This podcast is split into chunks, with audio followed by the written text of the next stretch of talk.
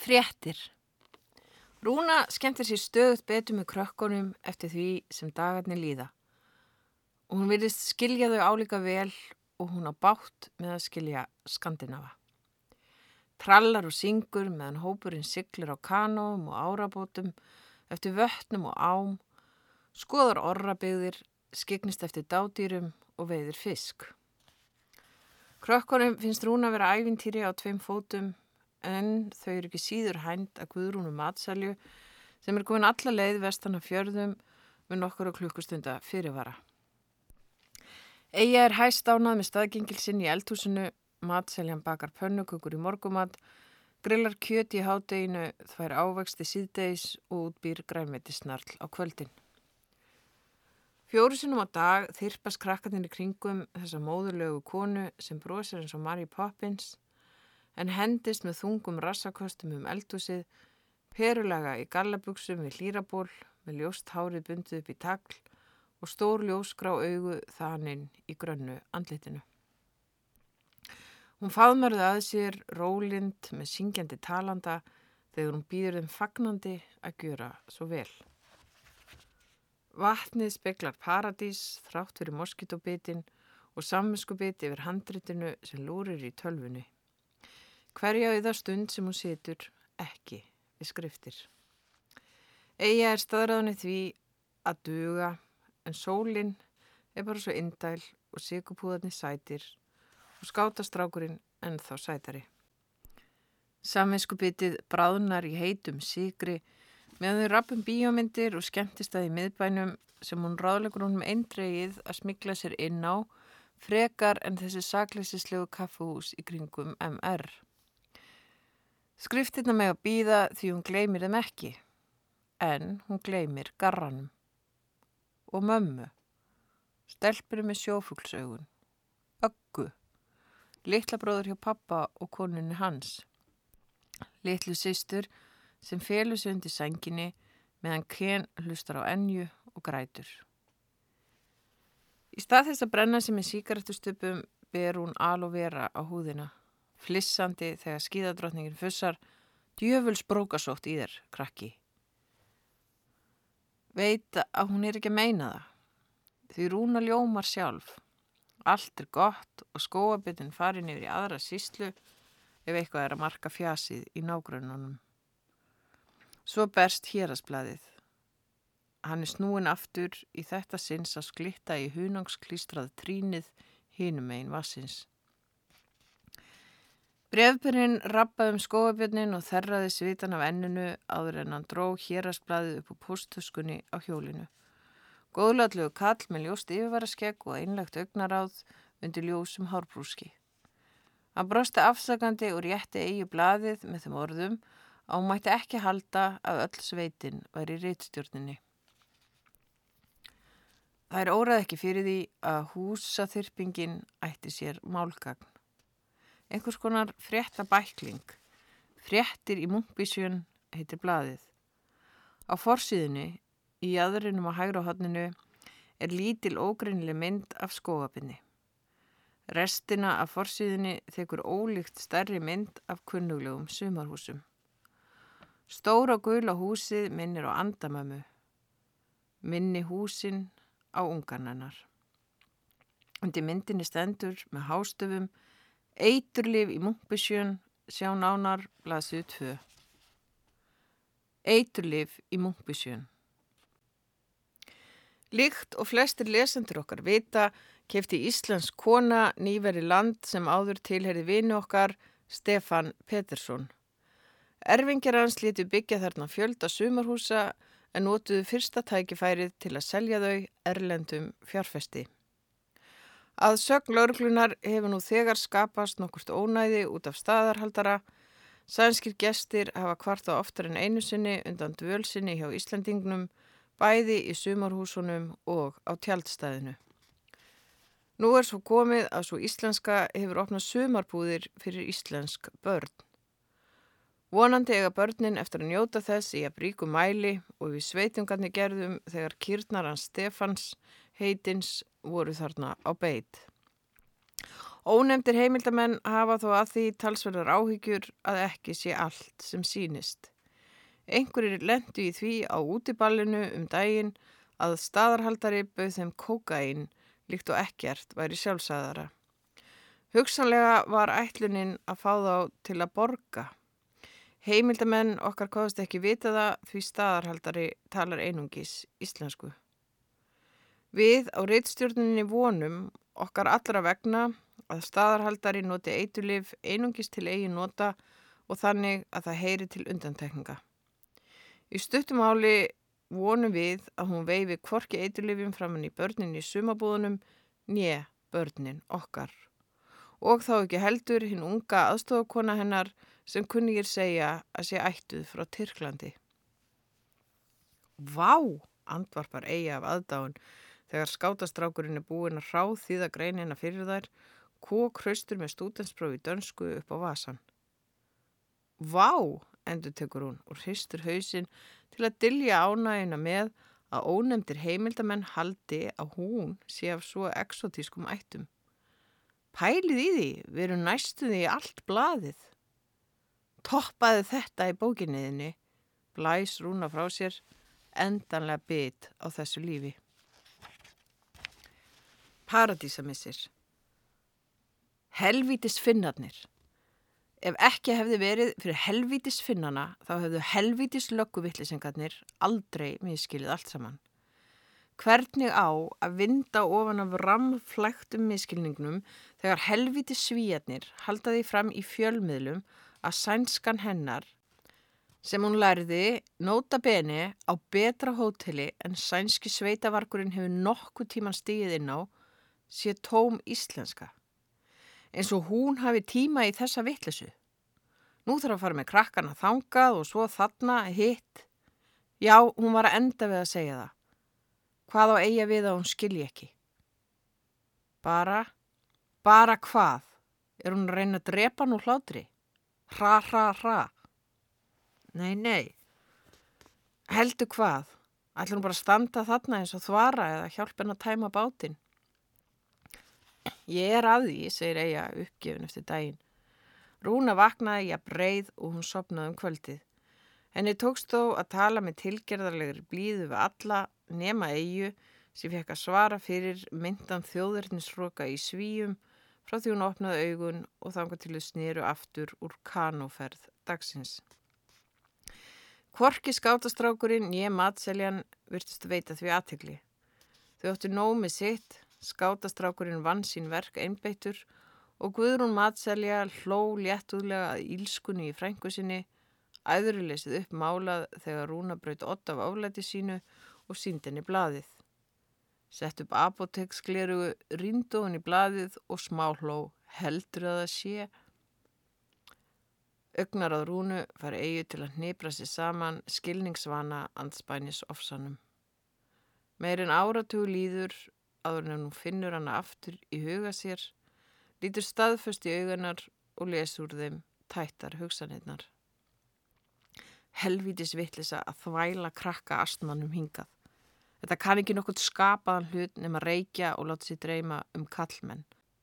Allt hefði gengið eins og í sögu ef það hefði gefist tími til að sinna sínu í stað þess að vera með stöðugar áhugjur af stelpu ræksninu. Og þessum kalli sem ringdi í tíma og ótíma. Vaktan og næturnar stundum trekk í trekk. Ímist reyður eða drafandi smeðjulegur. Hún hafði ekki fengið almennilega nætusvefn svo vikum skipti. En hann skildi ekki halda að hann fengi að tala við stelpuna. Hún hafði lofað mömmunar því og ömmunar. Og Rúna Sigugrimsdóttir var ekki kona sem gekk á bak orða sinna. Sú væri farin grenjandi heim ef hún vissi hvað hann ringdi oft. En að því hún hafði ekki glórum andvökunætur velgerðarkonu sinnar, þá húgt hún lón og dón út á sólpallinum og rekti í romantískri sjálfsvorkun. Stöðugt að láta sér dreyma um kallafar. Með hugan allan við kallin en dröslaði samt svíja með sér heima ballinu og nú var hún farin að horfa auðmikjan strengin með augljósri áfergju helvítis brókasótt og nú var ungfrú brókasótt búinn að koma þeim í blöðin. Svona stelpur linnaðu þetta ekki látum fyrir þar komast á ball í sínum mellu kjól. Skiljanlega í heldu svíjarnir að þær væri dóphórur þegar þið sáu kjól drusluna. Hvað var hann að hugsa að láta hann að teima sig á ball? Henni sortnar fyrir augum. Láttu þetta vera amlóðinniðinn. Öskrar hún með annan fótinn í völdum bátnum en hinn í vatninu um leið og eigi að grípi tösku með upptekuvél og ljósmyndabúnaði úr næsta báti. Ég var í snar vittlaus að trista þér fyrir þessu. En hver á það taka myndavélunar? Láttu töskuna bara frá þér, skipar hún og dansar löfléttan jafnvægis dans. Ég kem og sækjana. Á ekki rétt aðra hana? Nei, það er hundraðus krónar græja. Egil ekkur töskuna varlega frá sér og horfir á rúnu vippa sér og einu báti yfir það næsta, grípa töskuna og östla af stað, skrika fótur og reyna beint að bóla kaf. Öskrið hrellir fugglan úr trjánum í skóginum, ringin í kringum vatnið þegar tröllið æðir í land með tösku fulla af ónýtum tækjum. Egi ætti að segja eitthvað. Já, bara eitthvað en hjarta hama svo að radböndin herpa saman í hnút. Hún á aldrei framar eftir að koma upp orði. Eija saknaði ömmu í húsinu sínu svo mikið að hún hætti að tala daginn sem fjölskyldan sildi til Englands, rúma ári eftir fyrsta kvennafrídaginn og talaði ekki í hálft ár. Fjölskyldan satt öll við borstofubóri hjá ömmu og talaði um að nú varu þau að fara. Þetta hefði geta verið venjulegur sunnudagsmatur nema hvað veröldin var í þann mund að skiptum ham. Þarna satt amma með svundu yfir karjigulum kjól frá Guðrúnu saumakonu og hárgreisla var farin úr skorðum, grásprengti lokka dúðu þegar hún hló, stóisk og stundum sem þessum, en það ólíkt heppilegra að brosa en tárast. Stelpuna gæti orðið smekar yfir öllu saman ef hún eru uppvís að því að kvíða hvaðistundinni. Gullkeðja rann fram á handabakið þegar hún skengti í botlana. Nú voru neglutnar lakkaða rósableikar eins og lóarnir sem eldústörf höfðu málað í sama lit. Á ég ekki að hell upp á aðra könnu, spurði hún og röldin í eldús ára en nokkur náða að svara. Ava leti ekki eins vel að dilja við kvönnina. Hann yðaði í sætinu sínu og týndi upp í sig hálmána. Vel snirtar hendunar dustuðu flórsökur af dumbröðum jakkabúðungi og þerruðu munveikin eftir hvert bytta. Mitt í þessum stórraðum spjallaðan um England við tengdasón sinn með hendriksmakkan í litriku prjónavesti yfir skirtu sem láð þjætt upp að grönnum líkamannum. Þýðandi minn í Englandi er fjölhæfi maður. Hann rekur bæði hótel og afgreði bensín saði Afis Boskur og pappi flissaði frekar en hló, svo drengjalega ungur þegar hann svaraði þeim er ekki alls varnað bretónum. Þeir voru myndranir hvora sinn hátt, hefðar mannslega skáldið og hippalegi lífræðingurinn á leið í doktorsnám. Orðin ólíkt áhuga samari um atferðli skordýra en atferðli íslenskra túrista á ferð um Spán og Afríku.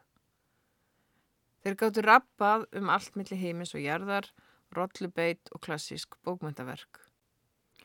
Unga manninum fannst eins gaman að tala um Odyssey og Don Quixote við þann eldri og honum fannst að tala um íslenska vistkerfið við þann yngri, vanir að geysast um sveiti landsins til að heimsækja skáld í blómlegum torfbæ eða skoða byrkilirfur og burkna. En mamma nefndi kvorki að tala um pöttur, nýja alla þessa gullbryttuðu klassik. Hún var ekkert fyrir innbundið, meira fyrir sérvitrar franskar skaldkonur í kilju og aðrar breskar og hæðinar. Bæði fúlsuðu við kökunum, hvorugt er að deilta áhuganum á sætmeti með gamla fólkinu og barninu. Mamma strax orðin sjóvig að því einu að horfa á eigu hamstra rúlutertusniðar. Hún hló kvíðinn og skiptist á bröndrum við sýstu sína sem tottaði pípu í lópapeisu með slett hárið bundið í tagl, brúnt eins og dökka hunangið hennar ömmu, augun ólkuða fjöri yfir upprættu nefi og langri högu. Auðvitað hafði hún prjóna peysuna sjálf, hólk víða og svo síða að hún flæktist í útviðum skálmónum. Mamma var líka í gallabugsum og lópapeysu með gráum hjörtum sem amma hafði prjónað á hana. En mamma gati ekki lært að prjóna, hún teiknaði bara. Föðusistir hennar skild hana vel. Þessi sjötuga kona, sama rekin með frúarlega andlitstrætti en barslega innlegt augnaráð, var hrifnar að því að spila píanóið en prjóna. Allra best fannst hann að hlusta á óperur í sjónvarpinu og þá trublaði skinnfærin að fytla við eitthvað í höndunum. Hanna langaði heldur ekkert til útlanda, búin að sjá þau þegar hún læriði á piano í Leipzig og til hvers að sjá þau aftur. Hún nældi í vindilstup sem bróðurinnar hafi lagt í öskubakkan, kynntan og reykti. Öll svo nett í rósóttin kjól með skolleitt hárið lagt í bylgjur og varirnar litaðar hárauðar. Svo, skindilega, var allt búið. Sólinn fann sér leiði gegnum gardinutnar og teknaði munstur á fjólubláðum dúkin. En eiga man ekki hvernig veðri var augnabliki síðar þegar þau löpuðu upp landgangin á Mánafossi. Hún man bara og hún varð upp með sér að vera loksins komin á vinnustad afasins, vun að segja hverjum sem heyra vildi að afisinn var í sjómaður á Mánafossi. Afir á skipin að vinna var viðkvæði ömmunar og nú var hún komin á þennan merkilega stað. Í mannskaranum grilti ömmu grasekju og afa sjóara bæði í breskum reggfrökkum með hatt. Við hliðin á þeim stóð móðusistrin í gærupelsinum og reyndi að dilja söknuðin með fýblalátum þegar hún snýri rassinum í áttaskipinu og þóttist prumpa bless. Egi andað ótt og títt. Hvernig ámaður að hveðja svona marga í einu? Hvað ef hún glemt einhverjum? Og hvað með allt hitt fólki sem stóð þarna og engin að hveðja það? Mamma greipi peysulega við þegar hún hendi sér upp á borstokkin og hrópaði Bless allir! Svo sildi þau á stað og mamma guppaði alla leðina. Fyrstu nóttina í Englandi gistu þau í skólaheimavist í Oxford hjá vinkunum mömmu. Vinkunan var með hjartalega andlit og finlegan en beittan nefbrott. Láðbræðinar alltaf því þrúandi háttvist. Hún strauka eigum ángan og sagði þú ert svo mikið krútt að þú ert eins og hræringur úr kallinum í Michelin hjálparauðlusingunni og Marju mei. Þakka er fyrir, saði eiga skurulega og samt ekki. Sennilega þyrluðist orðin bara um hugan. Næsta halva árið var henni svo brúðið yfir þessari nýju veröld að hugsanirnar umbreytist ekki í orð, heldur ómið í höfðinu svo þrýsti á gagnaugun. Mamma hló þrátt verið sjóriðuna, nötraði hlæjandi þegar hún greip í húsgögnin. Herbergið ringsnerist fyrir augunum á henni. Þú ætti nú bara að vitum hana frængu mína, sagði vinkonan í dúnmjúkum aristokratatón. Hún sildi til Kaupmannahafnar frá Reykjavík og fekk því líka sjóriðu að hún lagaðist ekki fyrir 35 árum síðar þegar hún þorði loksins að fara aftur heim. Þakkaði fyrir, sagði mamma líka og hló þannig að hún liðaðist náföl og hann í hægindastól. Íbilinn voru smekkleg en kaldur raki í loftinu og gólteppið skringilega þygt. Þegar vinkuna sopnaði fór mamma að gráta. Hún vildi fara heim. Það er ekki hægt, sagði pappi. Ég ætla samt heim, sagði hún. Það er ekki hægt, endur tók hann þólimóður. Víst. Egi horfið ágjöfill á fórildar sína. Hún vildi að við væri glöð. Þau sem voru svo góð við hana og suma mótna rópaði hún Sjáuð, sólinn er komin upp fyrir mig. Þau áttu hafmyggjustundri í Englandi þykist eigi að vita.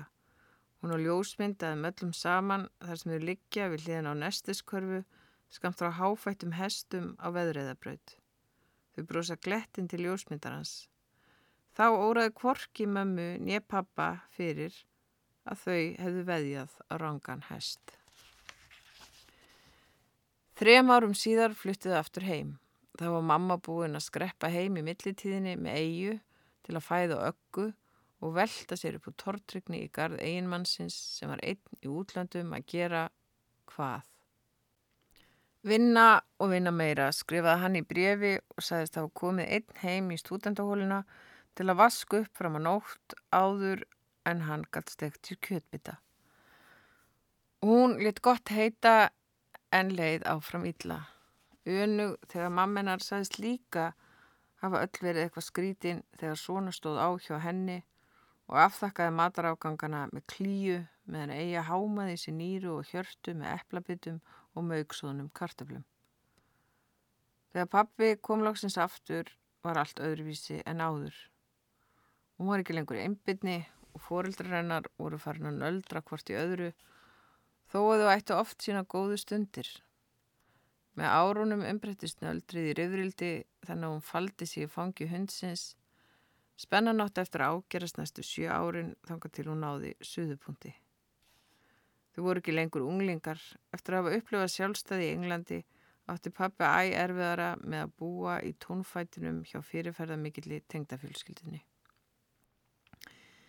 Á sömurinn fór hún í langa ferðir til að skoða náttúruna en heima einbeitt hann sér á skortýrónum sem hann hafi flutt inn til rannsókna og lefði eigi að sjá þegar fugglakongulóin fekk spriklandi engisbrettu að geta. Mamma gargaði á ógiði máttvana yfir ósvipninni í pappa þegar hann myndan á að þau væru öll dýr. Það kildi meira að segja um bókmynda af hann sem hafi kent eigu að menn borðuðu en dýr ætu. En eiga kaus að sjá hlutina í sínu náttúrulega ljósi svo hann helt áfram að hrella af að sinn upp úr gljóandi leðuskónum með því að rópa kontu að geta. Fyrsta nóttin í Englandi hefði verið lengi að líða. Um morgunin hætti mamma loks að gráta og þau fluttin í múrstens hús með hænur í gardinum.